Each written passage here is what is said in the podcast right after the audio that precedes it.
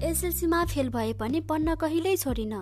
नमस्कार म सिर्जना भण्डारी। पहिले जस्तै आज पनि कथाभित्रका व्यथामा शिक्षाशास्त्र र कलाशास्त्रको अङ्ग्रेजीमा स्नातकोत्तर गर्ने तुलसी प्रसाद दुलालको कथा लिएर आइपुगेकी छु। उहाँको जन्म दुई हजार उन्नाइस चैत्र सत्ताइस गते भएको थियो। आमा भगीरथ र स्वर्गीय बाबु लोकप्रसाद दुलालको साहिलो छोरा हुनुहुन्छ उहाँ। उहाँ आफ्नो बाल्यकाल यसरी बताउनुहुन्छ। दुई हजार बाइस सालमा तेह्रथुमबाट तराई आएका हौँ हामी। मोरङको अमरदहमा बसाइसरी आएपछि मेरो औपचारिक शिक्षा अमरदहमा रहेको वीरेन्द्र सार्वजनिक माविबाट आरम्भ भयो। काका विद्यालयको संस्थापक प्रधानाध्यापक हुनुभएकोले मलाई औलामा समाएर अध्यापन गराउन लाने गर्नुहुन्थ्यो। त्यसबेला म चार वर्षको थिएँ। गान्धी आश्रममा पढाइ हुन्थ्यो। भारतबाट आएका शिक्षकले पढाउँथे। एउटै कोठामा एकदेखि पाँच कक्षासम्म पढाइ हुन्थ्यो। म त्यस बेला डेरामा पढ्थेँ। अहिले पनि मलाई आउँछ डेरा अडाइया। खरेपाटीबाट शिक्षा लिने गरेका थियौँ।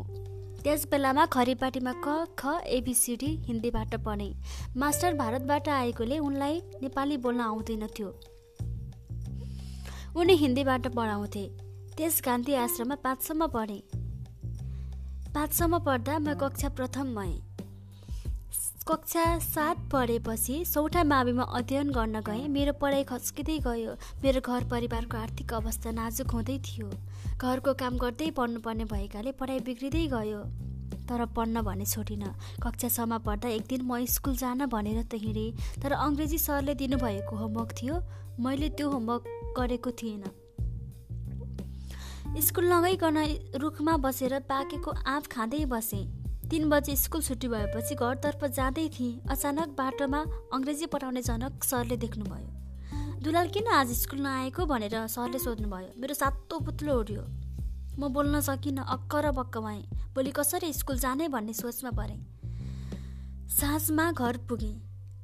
बुवाले बोलाउनु भयो आज कहाँ गइस्? मैले सहज रूपमा भने स्कुल? ढाँटेको कुरा काट्टै मिलेन। अघि झनक सरले छोरा स्कुल नगएको बाबुलाई भनिदिनु भएको रहेछ। बुवाले स्कुल नगएर बरालिँदै हिँड्ने भन्दै कहिले बिर्सन नसक्ने गरी पिट्नुभयो। त्यस दिन म खाना नखाइ सुतेँ। भोलिपल्ट स्कुल गएँ। स्कुलमा पनि अङ्ग्रेजी पढाउने सनक सरले पिट्नुभयो। घरबाट स्कुल आउने तर बाटैमा बस्ने भन्दै। बाबु र सरको हातबाट पिटाइ खाएपछि कहिले पनि स्कुल छुटाएको छैन मैले। त्यसपछि नियमित रूपमा स्कुल जान थालेँ। कक्षा सात पढ्दासम्म खाली खुट्टा अध्ययन गरेँ।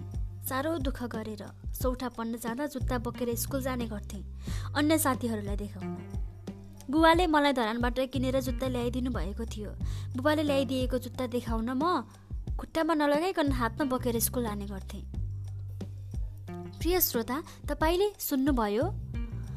तुलसी प्रसाद दुलालको बाल्यकाल र उहाँको शैक्षिक क्षेत्रको सुरुवातको बारेमा।